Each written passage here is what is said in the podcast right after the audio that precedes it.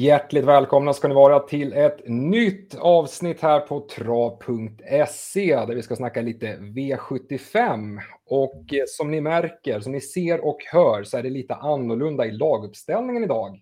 Jag har fått äran att leda dagens sändning, men ni kan vara så lugna, så lugna så, för Manfred Kåvestam och Per Andersson, dessa bekanta experter, de sitter här med oss som vanligt för att ta er igenom lördagens V75-omgång på Solvalla. Så jag tror väl gubbar att vi ska kunna ro den här omgången i hamn också va? Ja, absolut. Ja, det var ju dags för mig att ta tag i grejerna här nu kände jag. Ja, du får styra upp det lite nu. Skicka ner det till tuttoluckan liksom. För att börja lägga Nej, men jag var tvungen att sätta ner foten för att han sträckade ju Night Brodde förra veckan ändå här. Så att, eh, Ja, jag får, jag får strunta i att sträcka den idag då. Då vinner han väl säkert nu då. mm. Ja, hur har resultaten varit på senaste gubbar? Är, är formen het eller känner ni att det finns utrymme för förbättring här? Ja, vi, jag får väl erkänna att andelsspelen har gått lite kallt under hösten. Det är inte alls som i våras där när vi fick in eh, en hel del spel faktiskt. Eh, eh, nej, men vi hoppas vi hittar tillbaks till formen nu. Ja, Mm, det är ju mm. nu, det är ju nu, det är nu pengarna ska fördelas, eller på säga, men det är ju nu på vintern som man kan hitta de där guldkornen som eh, ger väldigt bra utdelning nu när det blir barfotaförbud och lite grejer. Att, eh, Mm, just det, det där är ju intressant för mig som är, eh, inte är lika travinbiten som, som er två. Eh, är det någonting speciellt ni tycker man ska tänka på i det här eh, barfotaförbudet? Ja, absolut. Eh, det är väl att titta i historiken. Är, man klickar på hästen och så klickar man på mer info. Då får man ju upp alla starter en svensk häst har gjort och då, då ser man ju den här barfota. Då ska man ju ha det iklickat att man har eh, skoinfon där och en, eh, ett, en hov med översträckad är ju barfota då och en hov som inte är översträckad betyder att den har haft skor där så att man ser om den har gått med skor bak eller fram. Man ser om den har gått med barfota runt om. Och, och då finns det ju väldigt många hästar som presterar mycket sämre historiskt sett med, med skor och då, då får man ju dra öronen till sig lite, när, speciellt när sådana hästar blir betrodda. Då kan man ju granska dem lite hårdare nu under vinterhalvåret. Mm.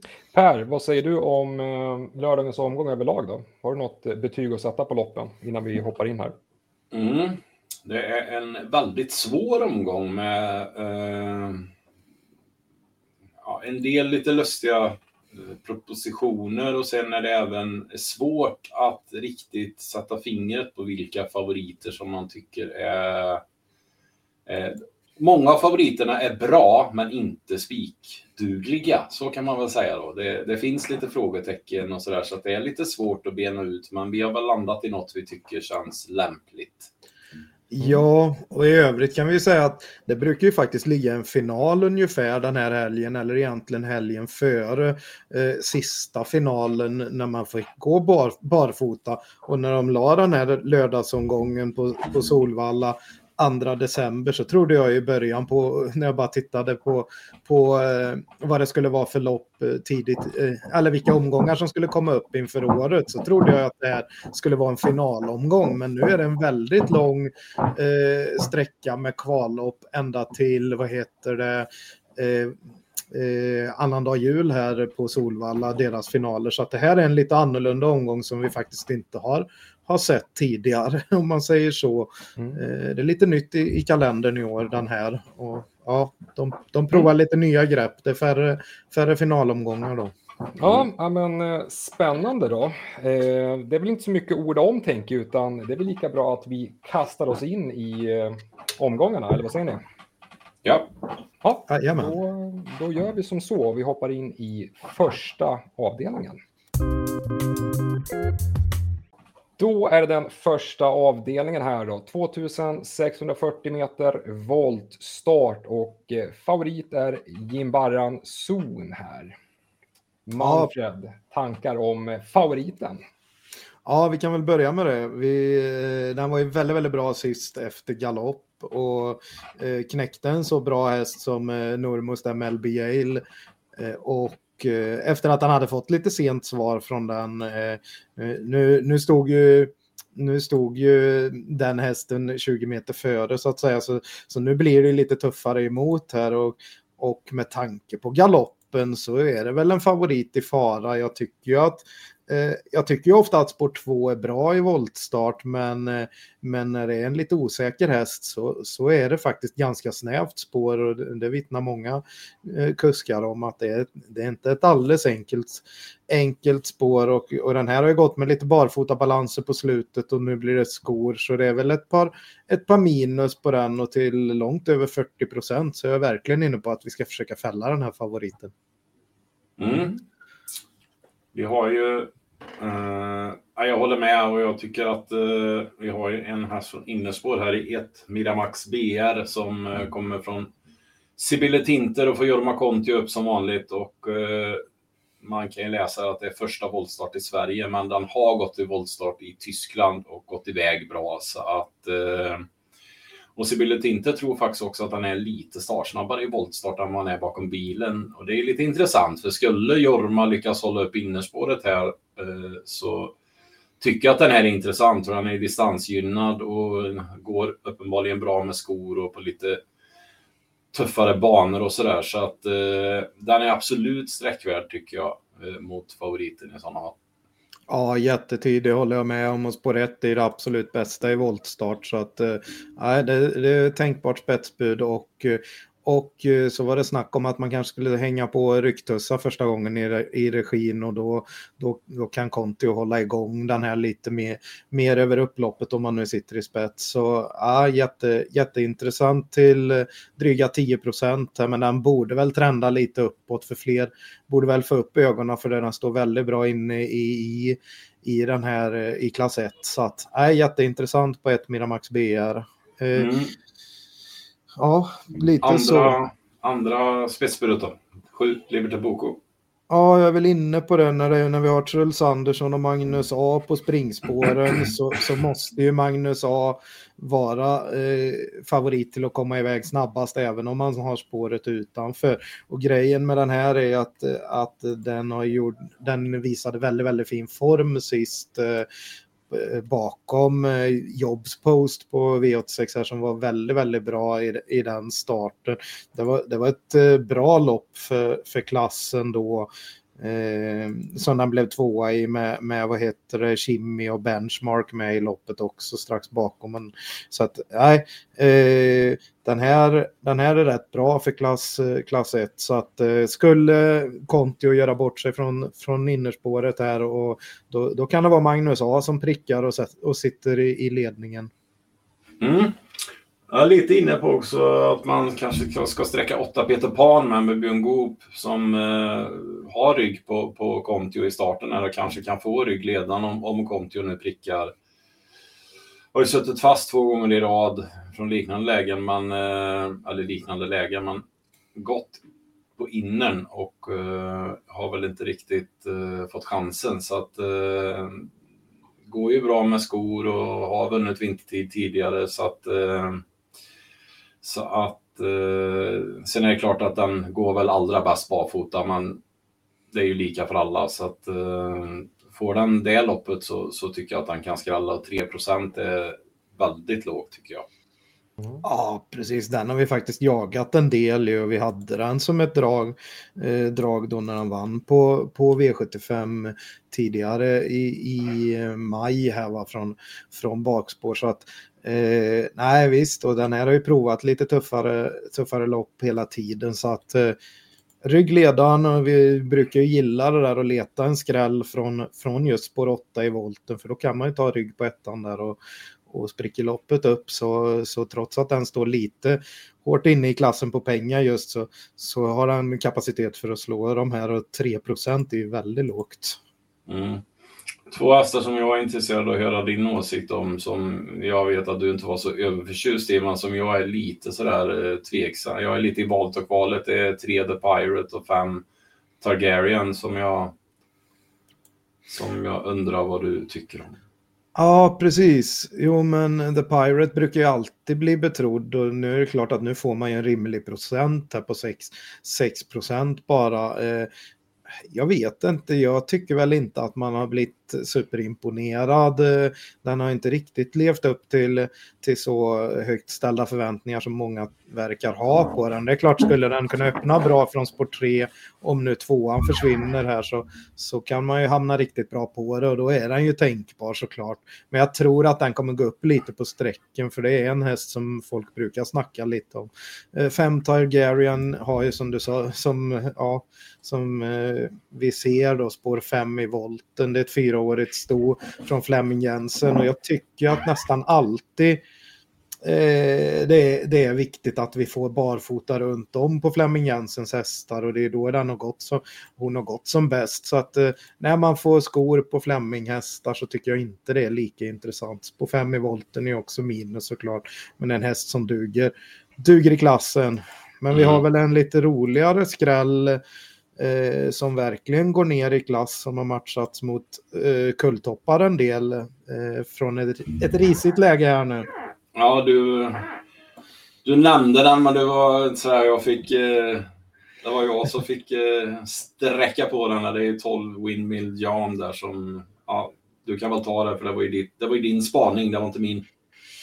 Nej, men det är ju det att, att den ändå har varit ute en del på V75 och gått ut i, i de här Breeders Crown eh, eh Breeders Crown-försök eh, och sånt där. Va? Och sen så har den dessutom varit ute i, i kval då till både Breeders Crown och kval till eh, till derbyt. Eh, British Crown-kvalet kom man bort lite ifrån bakspår där, men, men eh, derbykvalet var han ju faktiskt femma bakom eh, Star of Macro, Bedazzled Sox och Working Class Hero och sådär. Va? Så att, och för, före några riktigt bra där, för det var ett av de, de tuffare försöken.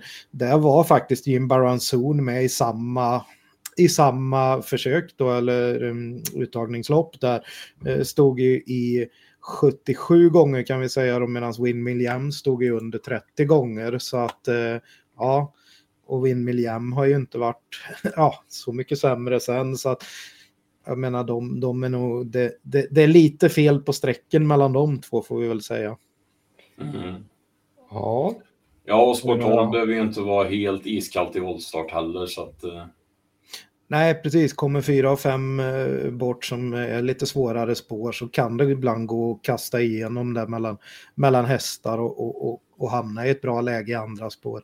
Så att eh, det behöver inte vara helt iskallt med en sån duktig voltstartskusk som eh, Johan Untersteiner är. Ja, då har jag kryssat i fem hästar här, hästarna 1, 2, 7, 8, 12. Har jag missat något eller har jag tagit något streck för mycket? Eller uppfattar jag er korrekt där? Det är korrekt. Det är väl perfekt, men eh, det är de som Per nämner också, att The Pirate kan vara aktuell om man har råd med något mer streck. Mm. Snyggt. Vi lämnar den första avdelningen på V75-kupongen och hoppar till den andra avdelningen. Då var det dags för avdelning 2. Det är den lägsta klassen här på V75 på lördag och favorit just nu är Melby Yale med Magnus A. Djuse, Timo Nurmos tränat och det är 1640 meter. Ja, Per, är det mm. en favorit du vill hålla i handen eller är det någon du vill gardera på här? Ja, det här är absolut ingen favorit jag vill hålla i handen, även om eh, den såklart måste sträckas. Eh, har ju varit jättebra. Fick ju stryk senast av just eh, tidigare den där Jim Balanzon där. Eh, jag tycker väl att det var okej okay ändå. Han fick ju köra till ganska kraftigt för att komma till ledningen där och, och, ehm, och eh, höll väl bra. Eh, och eh, har ju gått bra med skor och nu ska det ju första jänkarvagnen såklart intressant. Ehm, men det är en stor häst och det är, jag vet inte, jänkarvagn på en sån stor häst känns som att det är en lite av en chansning. Så att eh, i våld, ja, alltså. De ska ju ändå, de ska ändå få plats i den där vagnen när de springer så att uh, vi får väl se. Men uh, det där vet väl Nurmos bättre än mig. Så att, uh, men jag tycker att det är en, en favorit i fara från spår 11 i alla fall. Och jag vill lyfta fram nummer ett. Jicki Ninki med Björn Goop som eh, Eh, galopperade väl bort en trolig segerchans i alla fall senast eh, på V75. Han hade väl varit tvåa i alla fall som sämst. Eh, och eh, kan öppna bakom bilen så att eh, Eh, är väl kanske inte riktigt lika startsnabb som, som två och tre, men eh, med lite flax och Björn Goop vet vi ju kan få fart på hästarna så att eh, har han lite flax och håller upp ledningen in i första sväng här så tror jag att den kan vara väldigt segerfarlig. Um, däremot så, uh, ja, han kommer ju få ett bra lopp i vilket fall från innerspåret här så att, uh, så att den tycker jag att man ska säkra. Ja, absolut. Jag var inne på den som spik förra gången till och med när, vi, eh, när det blev så många strukna i det loppet. Men, eh, och många gick väldigt hårt på, på Sparkis Dream som vann det loppet.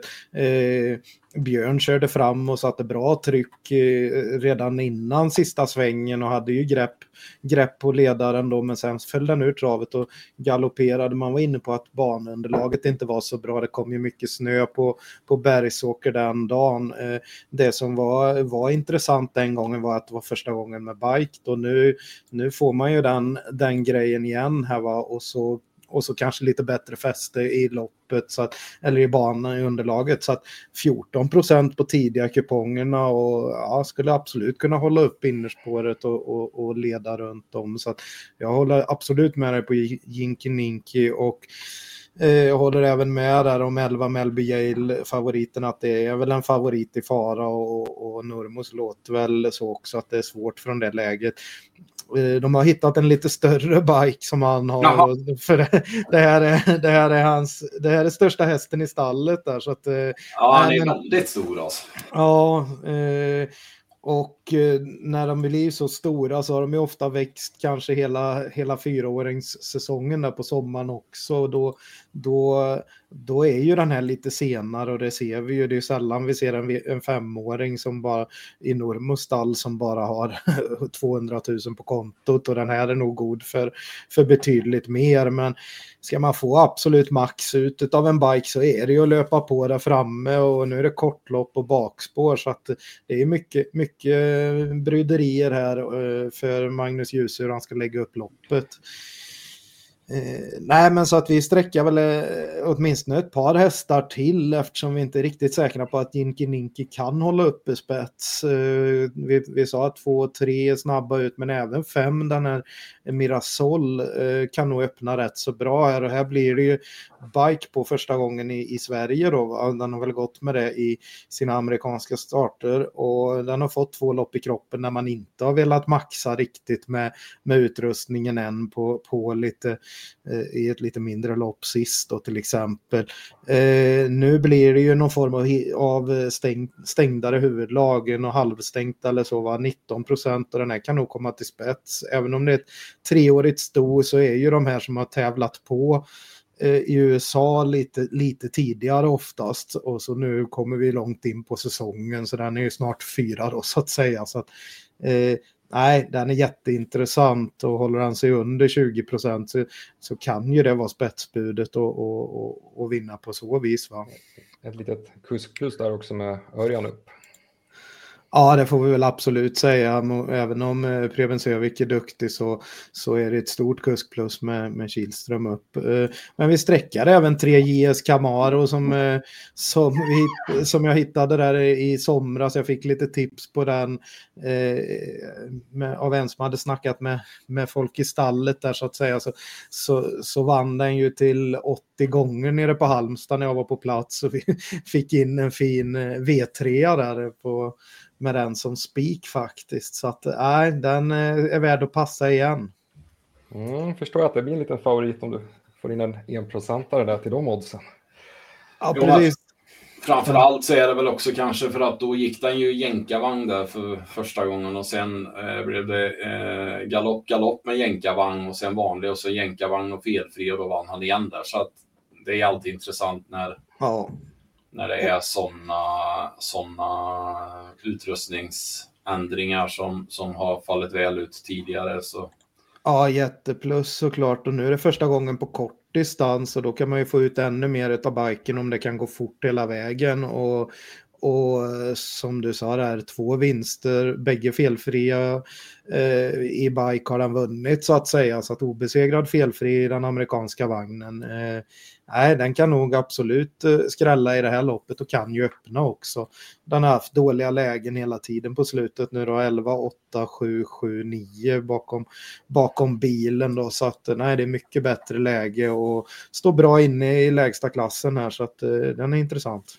Mm, 5 procent bara. Vi, vi nöjer oss så. Vi sträcker 1, 3, 5, 11 till att börja med. Men jag vill bara nämna nummer 8 Hagrid som eh, har uruselt läge såklart. Eh, men eh, nu åker biken på igen. Och var faktiskt, man ska komma ihåg att i början på oktober där så var han ute i ett liknande lopp som detta och då var han faktiskt favorit till 3,96 från nästan samma läge. Det var spår 7 på kortdistans. Eh, nu gick det åt pipan såklart, men eh, det är ändå, ändå anmärkningsvärt att han går från att vara favorit eh, och nu helt plötsligt 2 procent eh, från nästan samma läge och Mats i ljus upp igen och så där. Så sträcker man vidare tycker jag den kan vara en tänkbar skräll.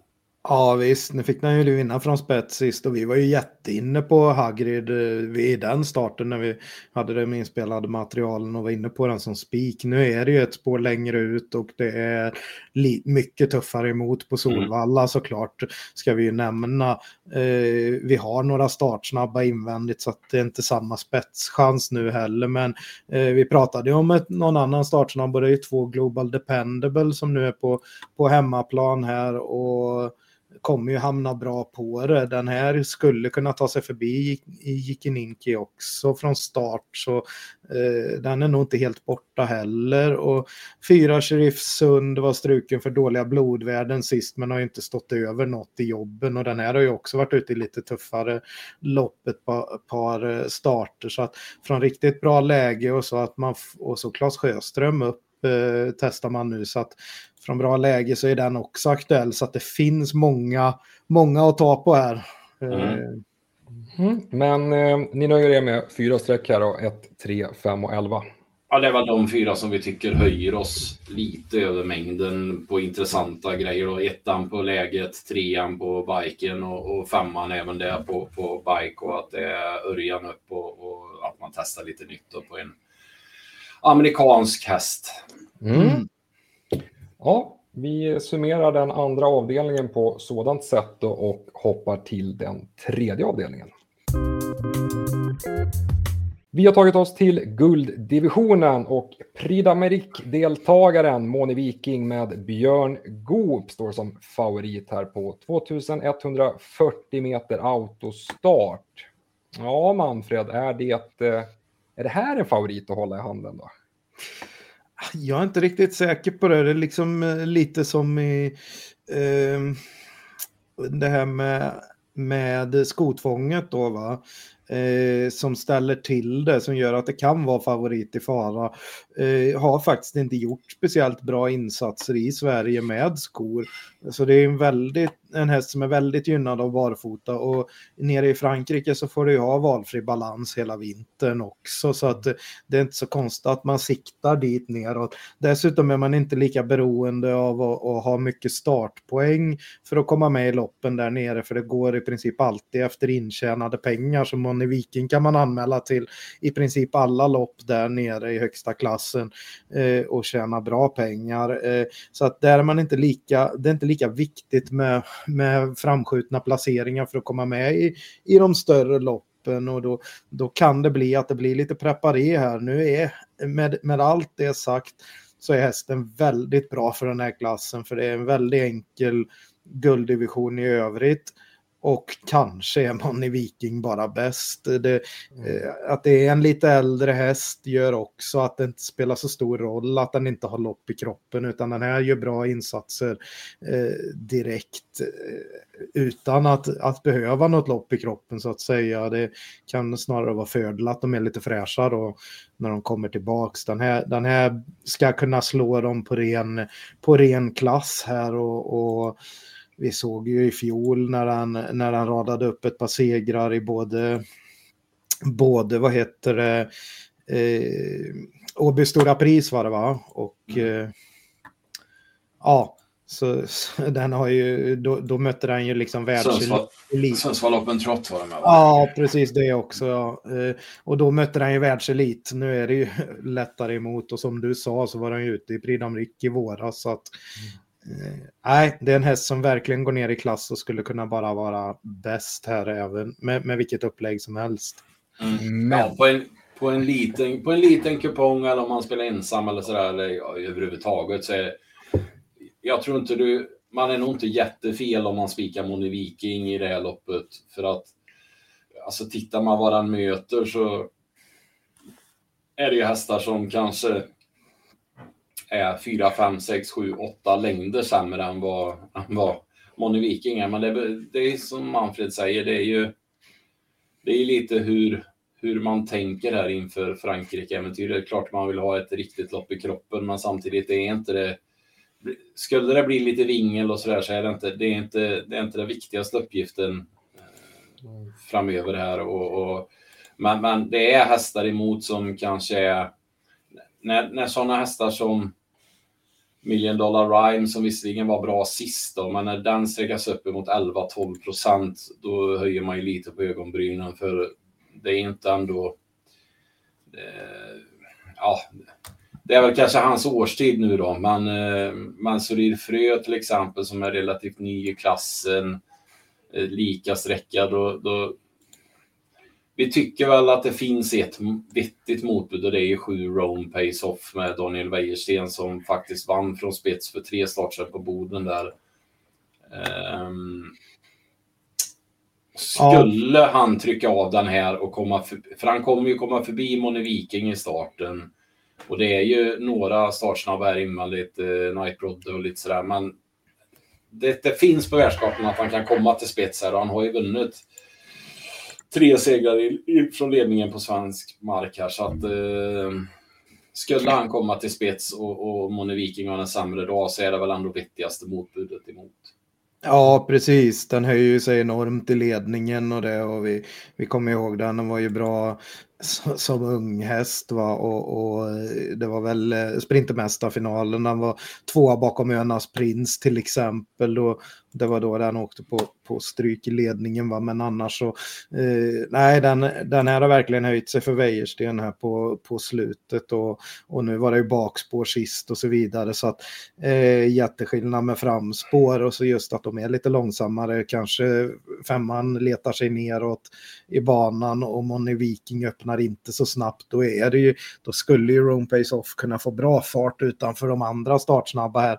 Men eh, Ja, det är väl lite så. Och även om Moni Viking har en väldigt dålig rad, om man säger 0, 0, 6, 6, 3, så, så ska vi komma ihåg att det var ju det var ju eh, Prix d'Amérique så att säga med i raden. Eh, då, då stod den ändå i, ja, vad stod den i, 20 gånger eller någonting va? Mot, mot de bästa i världen under 20 gånger.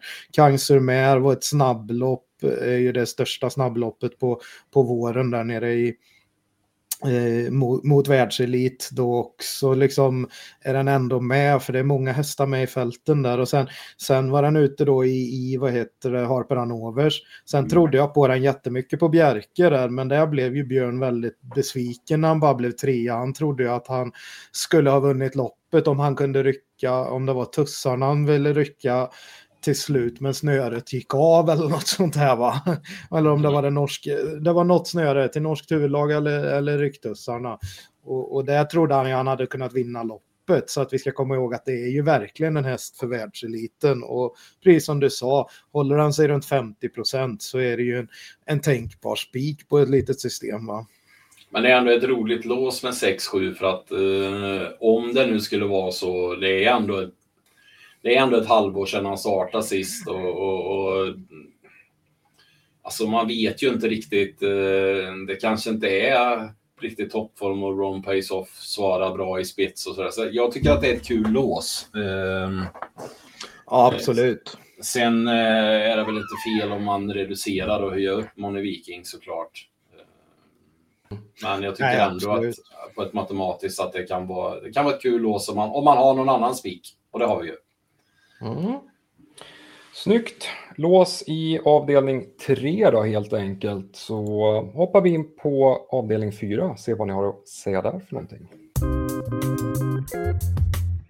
Då är vi framme vid den fjärde avdelningen på V75 och det är ju långlopp som den alkas här. Och favorit, ja knapp favorit ska ju kanske tilläggas då på procenten just nu. Det är High On Pepper nummer 14. Tätt, tätt skuggad av Ferrari Sisu på 24 procent. Ja, jag är nyfiken mm. att höra era tankar här. Ja, det är väl de två hästarna som ska vara mest sträckade i loppet. Eh, det är väl kanske några andra som vi tycker är lite översträckade för tillfället. Men eh, om vi börjar med de här två då så är ju favoriten 14 High On Pepper eh, ska ju gynnas av distansen och eh, har ju två raka segrar här nu på, på bra sätt. Men eh,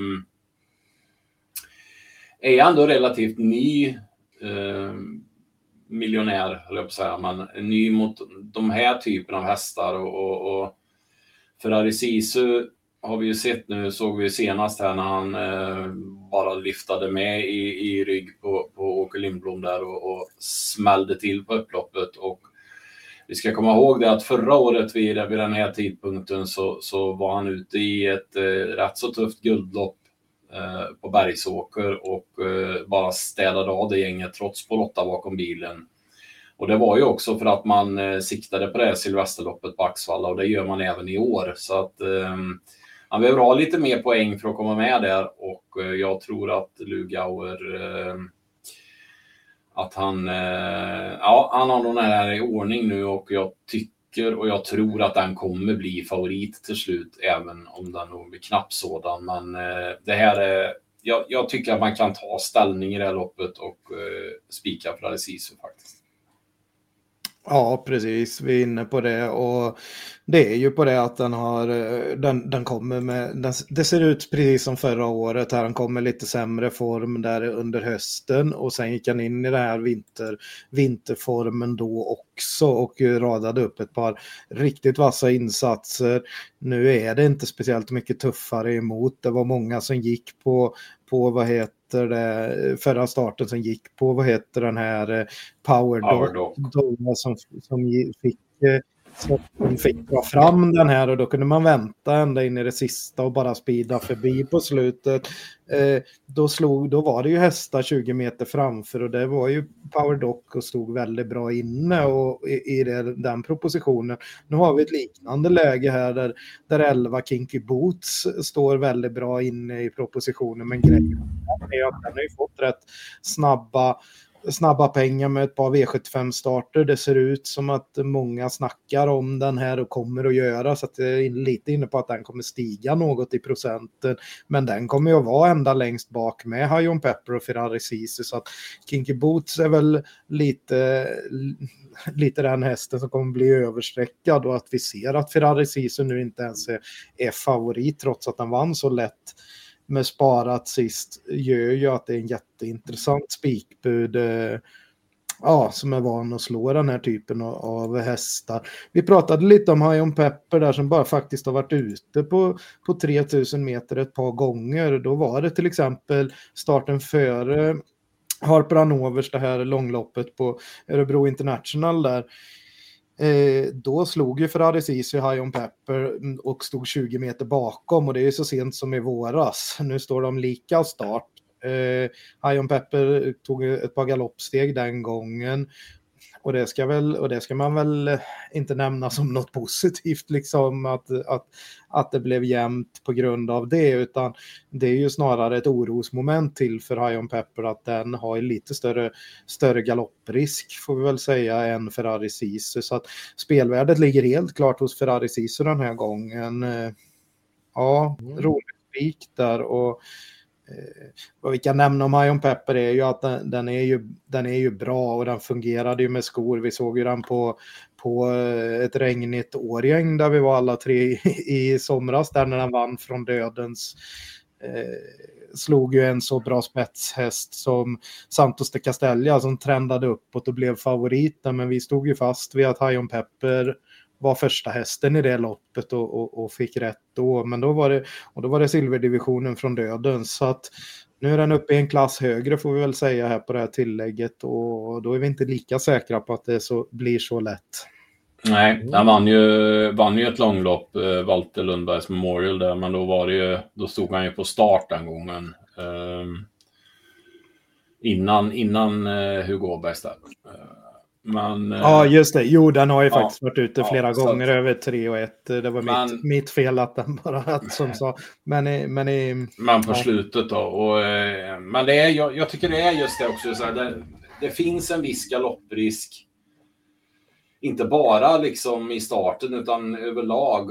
Han har tre varv på sig innan galoppera. Så att eh, jag tycker att eh, jag tycker att av 14-15 så tycker jag 15 höjer sig Eh, liksom med, med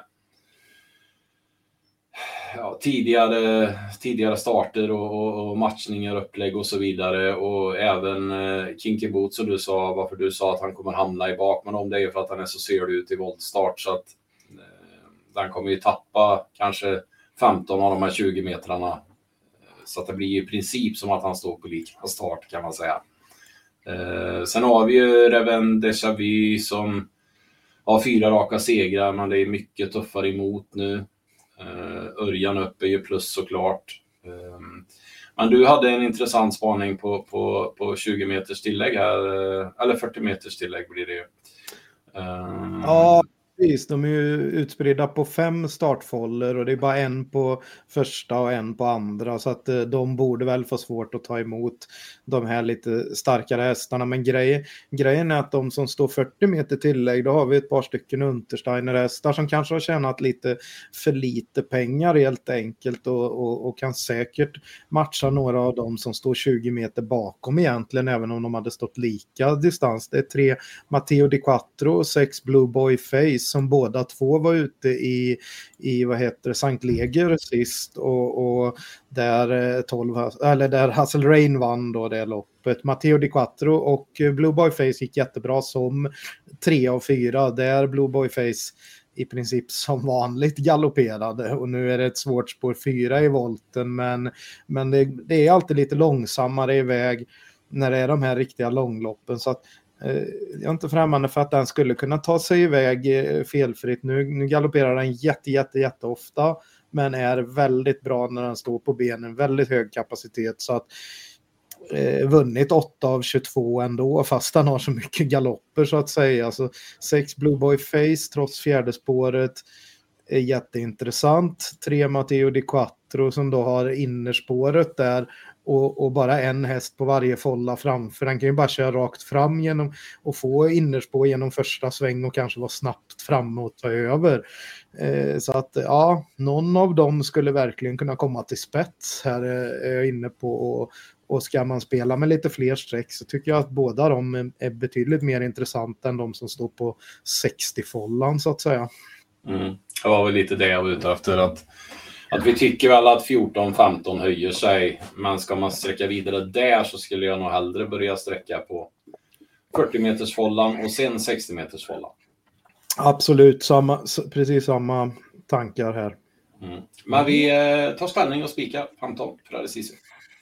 Snyggt! Då hoppar vi vidare till femte avdelningen. Ja, då var vi framme vid den femte avdelningen och här är det lite grejer att hålla koll på. Det är 1640 meter autostart. Det är eh, lärlingar också eh, och favorit just nu är Lafil Niky med eh, 30 procents sträckning. Och med det sagt så lämnar jag ordet till er att lösa den här avdelningen. Ja, och det är väl på att, att, den är, att den är stark och rejäl helt enkelt. Problemet är att den inte kan öppna så där våldsamt snabbt så att eh, trots att den har ett jättefint spår 5 bakom bilen här så, så, så, skulle det kunna bli lite vingel så det är väl faktiskt en favorit lite i fara här. Men när vi ser lärlingar och, och, och så här och spårtrappa så, så kommer de ju att ladda en bit ut och det kan bli lite tryck på loppet där några hamnar på vingel så att, eh, att vara stark och rejäl ganska bra i ett sånt här lopp och gå hela vägen in i mål eh, om det blir lite konstig körning, vilket det kan bli med så här mycket, mycket lärlingar. Eh, med det sagt så den är jättetidig mm, på, på visad kapacitet och så här va, och fungera med skor. Men vi kommer gardera ganska brett. Mm. Det är ju en lustig proposition här med, med, med både, både lärlingslopp, eh, försök diamantstot och eh, spårtrappa. Så att ehm, eh, ja, de hästarna längst in har ju tjänat minst pengar såklart, så det blir att man blickar lite på de högre numren och jag gillar väl eh, allra mest 9 Happy Go Pepper och 10 Queen. Um, jag är lite bakspårsförälskad i det här loppet, för även 11 Feline Börjerheide tycker jag var bra senast. Man har väl inte kanske riktigt direkt på V75, men har en duktig lärling nu och eh, nio Happy Go Pepper har ju också en duktig lärling i vagnen och satt ju fast sist, fick inte riktigt chansen. Man var bra vid eh, eh segern på Gävle där. Eh, så att eh, missgynnas av bakspåret såklart när den är eh, startsnabb. Men eh, kanske kan komma igenom ändå eh, från spår 9 där. Så att eh, jag, är, eh, jag är lite bakspårsförälskad här, men jag vet att även du gillar ju en från annat svårt läge. Ja, precis. Jag är väl lite inne på att 8 Marvelous Steel skulle kunna vara den som öppnar snabbast här. Och eh, tittar man för ett par starter sen så var den ju ute i ett storlopp på Halmstad där den, där den eh, snabbstartade. Men eh, Georgia Am var det som fick köra i spets den gången. Då blev, då blev Marvelous Steel fast med mycket sparat i ryggledaren. Det, det var lika start med hästar då som eh, Olga Utka, Georgia Am och, eh, och Nannys Girl liksom. Så att det är jättemycket ner i klass. De har vi sett på V75 eh, matcha betydligt hårdare hästar än det här. Så att eh, eh till bara 2% så tycker jag att Marvelous Steel är jätteintressant om den kommer ner till plankan här och antingen kan köra, antingen kan köra i ledningen eller ryggaren. Eh, även 6 och 7 är startsnabba. Kentucky Derby Eh, har ju varit ute på V75 hela tiden här. Visst, har stått lite, lite i, tuff, i höga odds där när det har varit tuffa motståndare, men, men har gjort det bra. Varit liksom tvåa, fyra, tvåa eh, som totalt ospelad. Och Eh, ja, det är jätteintressant med bike på från framspår här. Visst, det har han gått i många gånger tidigare och, och hon vinner inte så ofta ska väl sägas. Men, men eh, 5 procent och William Ekberg är duktig. 7 Golden Rain är eh, också startsnabb. Eh, Axel per, Alex Persson eh, vann V86 så sent som under under onsdagen här och med en snygg styrning från ryggledarna. Men, och visst, det kanske är lite överstreckat på 17 procent för det är åter en Flemming Jensen-häst som man skulle vilja se barfota runt om. Men den här gick faktiskt rätt bra, öppna bra med skor på eh, sist. Eh, då gick den i ryggledaren och, och sköt till hyggligt på open stretch men det var lite för kort för att växla något no tempo där och, de, och, det var ett par hästar som kom fort ute i banan den gången så att eh, det är väl inte så mycket att säga om. Det är väl mer att den fick väldigt mycket sparat då och stod bra inne i klassen där så att även om procenten är lite i överkant så, så ska den nog ha en del streck på att den kan öppna rätt bra. Mm. 10 Queen vet jag, har gjort två starter för Janne Persson nu. Var ju galopp i debuten och sen var hon ju trea sist. Men det var några intressanta ändringar där va? Ja, precis. Den har gjort lite fler starter för henne. Den, den följde vi mycket när han var hos Goop tidigare. Eh, men eh, där, där, skulle man kanske få första gången rycktussar i, i denna regin. Va? Och nu, nu är ju det en häst som öppnar väldigt snabbt så att eh, det är alltid fördel när hon har framspår. Men det låter ju väldigt, väldigt upp uppåt här och den har ju bara gått, gått i amerikansk vagn en gång för henne och ett par gånger i tidigare regi. Så att det, det är ju två stora plus på den och, och hon började slå på eh, skor på sina hästar redan för, för no, ja, vad sa hon, drygt någon vecka sedan och där den har gjort ett par jobb i, med skor och broddar. Så att eh, nu åker ju broddarna av till lopp loppet förmodligen när det blir så fin bana, eh, förmodad fin bana.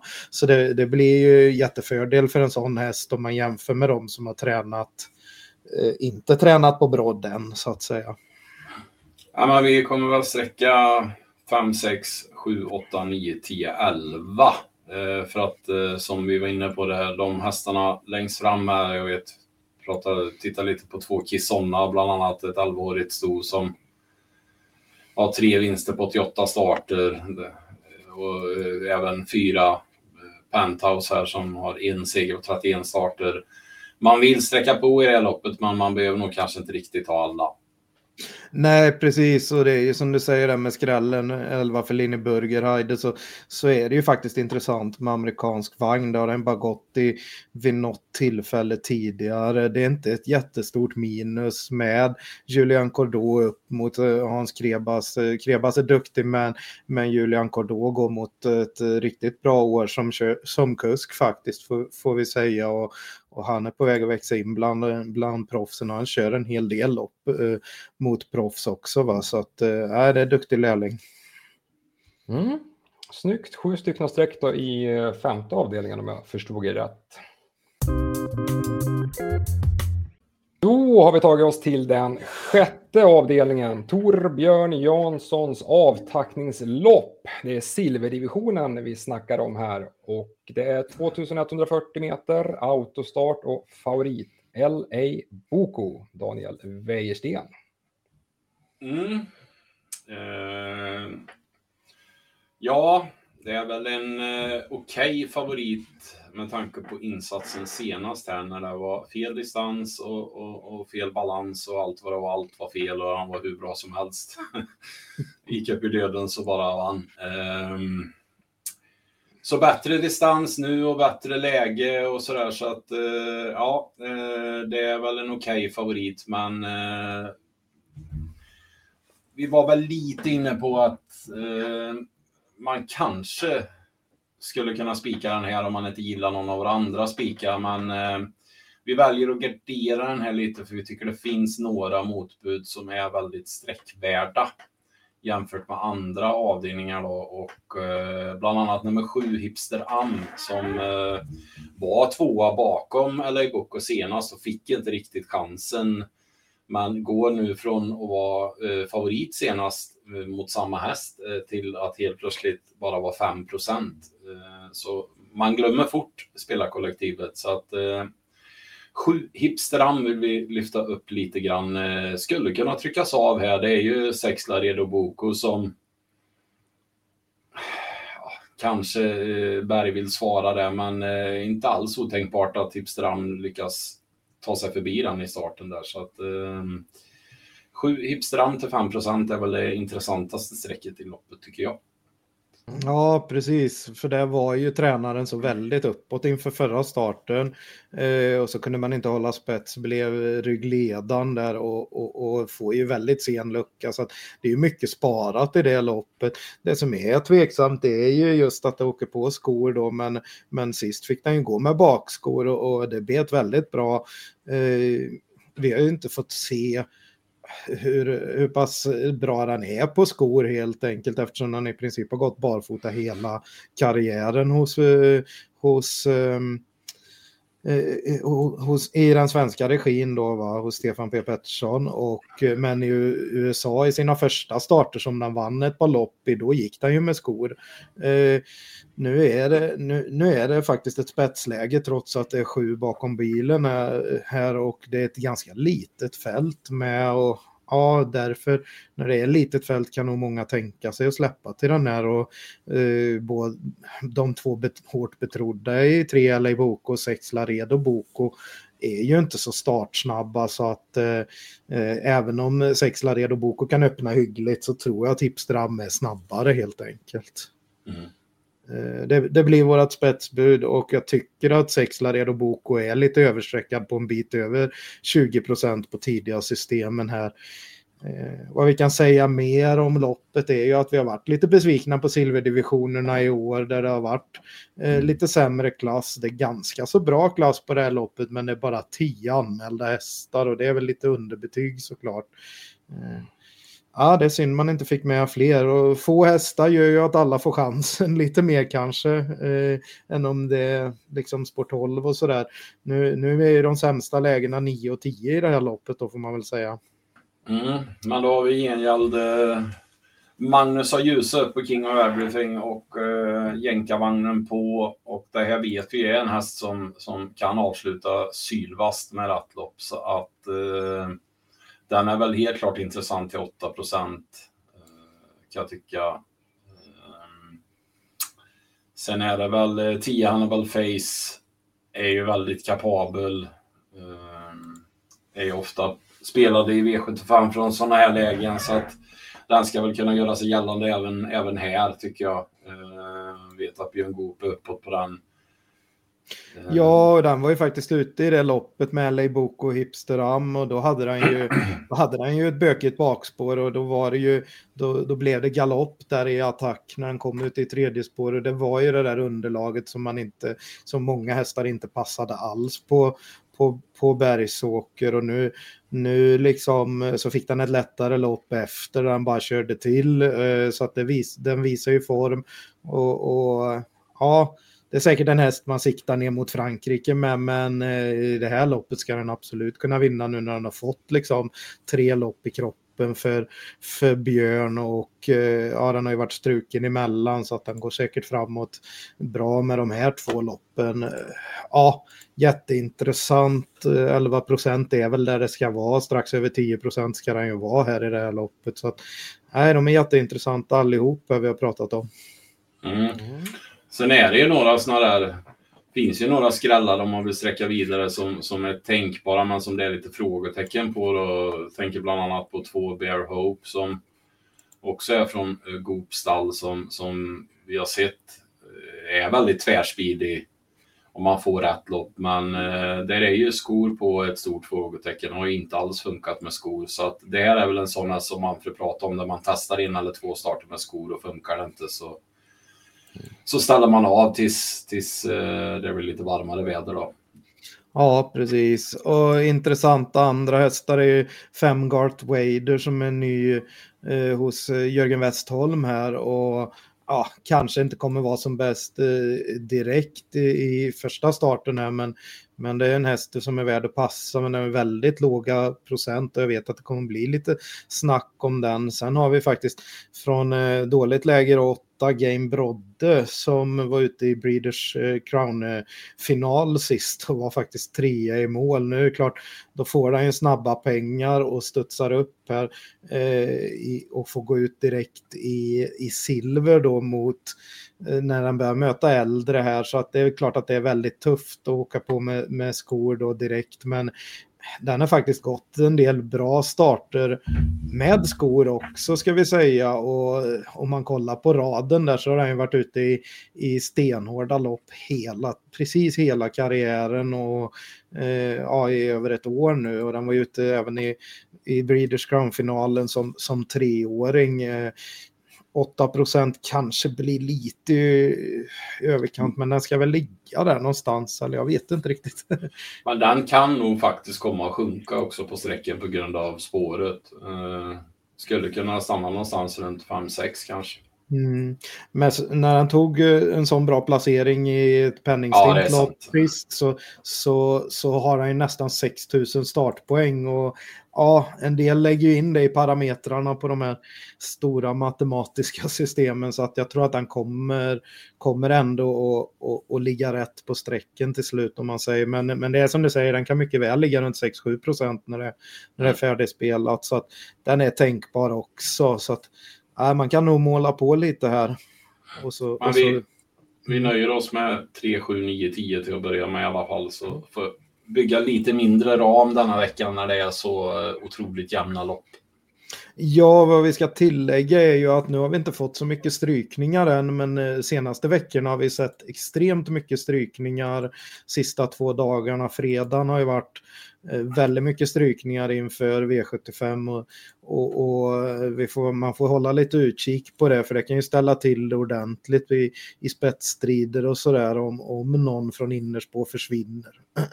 och så vidare. Mm, hur är det med väderförhållanden och sånt under vintern? Är det någonting man också lägger lite extra vikt vid och, och håller koll på eller? Ja, jättemycket. Eh, det blir lite mindre att, eh, att man, man, går, man behöver inte gå lika hårt på spetsbuden och de som ska springa på innerspår på vintern för att ibland om det blir lite slaskig bana så kan till och med innerspåret vara det sämsta, liksom att det tar emot lite och att det är lite för löst där inne och att hästar ute i banan får bättre fäste och så vidare.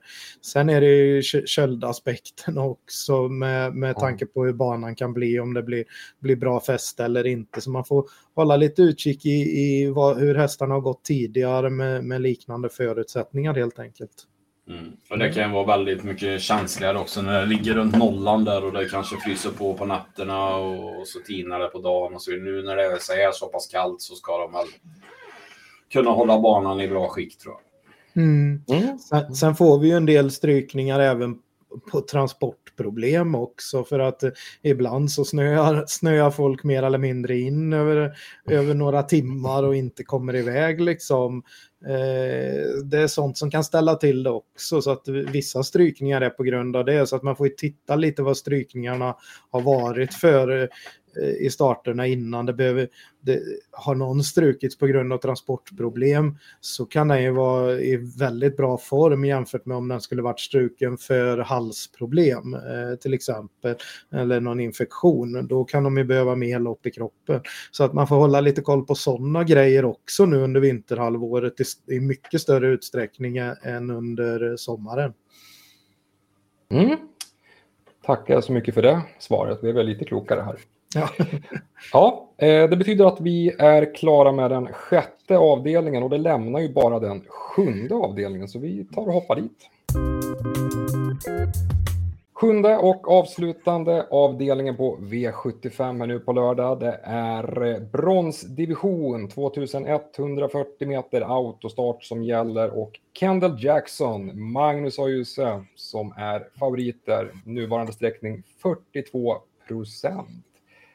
Ja, nu är jag nyfiken på vad ni tycker om den här favoriten då, för ni har ju bärsat ganska många hittills. Är det, är det dags att avsluta med en spik kanske? Ja, nu spikar jag. Nu, nu tycker jag att det är läge att gå in och spika en favorit. Den här har vunnit från, från svårare lägen än så här och sist hade den jätterisigt läge. Visst fick den, visst fick den rygg på, vad heter det, eh, Kinky Boots eh, i attacken då va. Men avslutade väldigt bra och eh, och var bara knappa längden efter så att eh, då, då var man verkligen inne på att banan kanske, att det var lite chansning med skor och, och, och man hade faktiskt på brodd också den gången. Nu är jag inne på att man kan köra utan brodd på, på Solvalla på, på lördag här och då, då blir det ju en extra växel att den, att den lättas nästan lite grann då eller får lite bättre förutsättningar. Magnus A brukar ju köra motbudet här i ett Santis Hilton Eh, och väljer nu eh, Kendall Jackson och vi har ju hört honom hålla den hästen väldigt högt gång efter annan. Eh, tvåa, trea, tvåa och sen har han ett par galopper där på slutet så att det är lite missvisande rader. Han kunde mycket väl ha haft ett par tretter till i raden. Ja, och det är väl lite oviss spetsstrid ändå. Sju Declan är ju väldigt snabb ut, visade han ju senast där när han vann mot spetsade och släppte till Tears in Heaven där efter en bit. Eh, vann ju sen. Eh, Tears in Heaven är väl lite bortlottad idag eh, från spår 6. Eh, jag är väl lite inne på att Candle Jackson skulle kunna vara den som får ta över den här gången eh, tidigt. Och även om man inte får göra det så är vinstchansen god i alla fall. Så att eh, jag tycker att det är en vettig favorit. Eh, bakom där så är det ganska så öppet loppet. Det är ganska många hästar som, som skulle kunna göra sig gällande i sådana fall. Så att, eh, jag tycker att det är en vettig spik att avsluta med.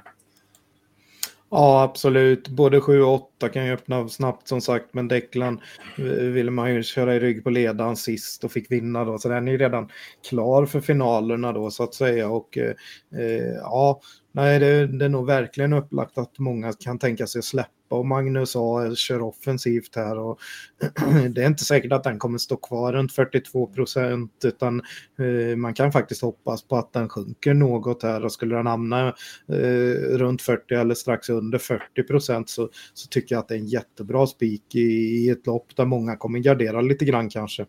Mm. Mm. har en, en, en, en intressant häst som kanske blir svårt att vinna, men för de som vill spela eh, toppspel och platsspel och sånt där så, så eh, 10 Icon Meras eh, har ju varit väldigt bra i två raka lopp på, på eh, dagens dubbellopp här, så lite enklare motstånd. Eh, men har varit, eh, sett väldigt formstark ut och eh, kan nog vara ett eh, kul platsspel en sån här omgång. Ja, precis. Två lopp i kroppen för uh, Jörgen Westholm här på slutet. Uh, där ska vi väl nämna att hans stall de har ju lite bättre träningsförhållanden när, när alla andra kanske får lite struligt när det, när det är, går sådär runt nollan som du pratade om tidigare. Så kan ju folk ha dåliga träningsbanor också. Uh, medans Jörgen Westholm faktiskt har byggt en takraka där sedan några år tillbaks och, och kör ju under tak och har alltid alltid bra, bra preparerat underlag på, på sin rakbana där under, under tak. Så, nej, de brukar komma bra här sent på, på eh, hösten, början på vintern och så brukar det hålla i sig över vintern. Här. Det gick så fruktansvärt fort eh, senast här nu. Eh, det var ju typ en vecka sedan mot eh, den här One Crystal. Eh, One Crystal tog ju över spets i, i sista sväng där och, och, och såg ut att sticka undan bara man han gick ohyggligt fort över upploppet den här alltså, så att den är riktigt tvärspidig. Så att, eh, ja, seger kanske blir svårt, men eh, jag tycker att den är jätteintressant bakom det. Ja, One, Quist, One, One Crystal är en jättefin häst för den klassen också. Och, eh, och de två var väl någon sekund nästan före övriga. Mm. Så det, var lite, det var lite luft ner till de andra. Eh, Tears in Heaven var ju stor favorit sist på häst nummer 6. Här var ju stor favorit på V75 men fick ju se sig besegrad av Declan den gången. Och, och nu är det absolut inte säkert att man blir framvinkad till spets här utan eh, det, det är nog Kendall Jackson som är före och tar över om inte Santis Hilton lyckas hålla upp spets och vill köra i ledningen. Så att mm, det blir lite vingelläge för Tears in Heaven den här gången. Och så skor på är väl absolut inget plus för den. Nej, mm. bra spik. Snyggt. Det betyder att ni har knåpat ihop en kupong för 560 spänn, 1120 rader betyder det. Eh, jag tänker att vi drar en liten kort summering här också. I första avdelningen är det hästarna 1, 2, 7, 8 och 12. I avdelning 2 hästarna 1, 3, 5 och 11. I avdelning 3 kör ni ett litet lås där med hästarna 6, 7. I fjärde avdelningen hittar vi första spiken på kupongen i Ferrari Sisu nummer 15 och i femte avdelning hästarna 5, 6, 7, 8, 9, 10 och 11. Sjätte avdelning hästarna 3, 7, 9, 10 och så avslutar vi med den där härliga lilla spiken då på Candle Jackson häst nummer 4. Det betyder mm. att eh, dagens avsnitt har nått vägs ände. Vi eh, önskar väl alla stort lycka till med spelandet i helgen och eh, vill man plocka upp en andel finns du där inne på tra.se andelsspel där Manfred och ibland Per och Daniel med flera lägger upp lite andelar inför de lite större omgångarna och streckspelen. Mm. Ja, vi... Eh, just det. Vi ska göra så, har jag lärt mig. Jajamän, tumme upp! tumme upp! ha det bra. Nej.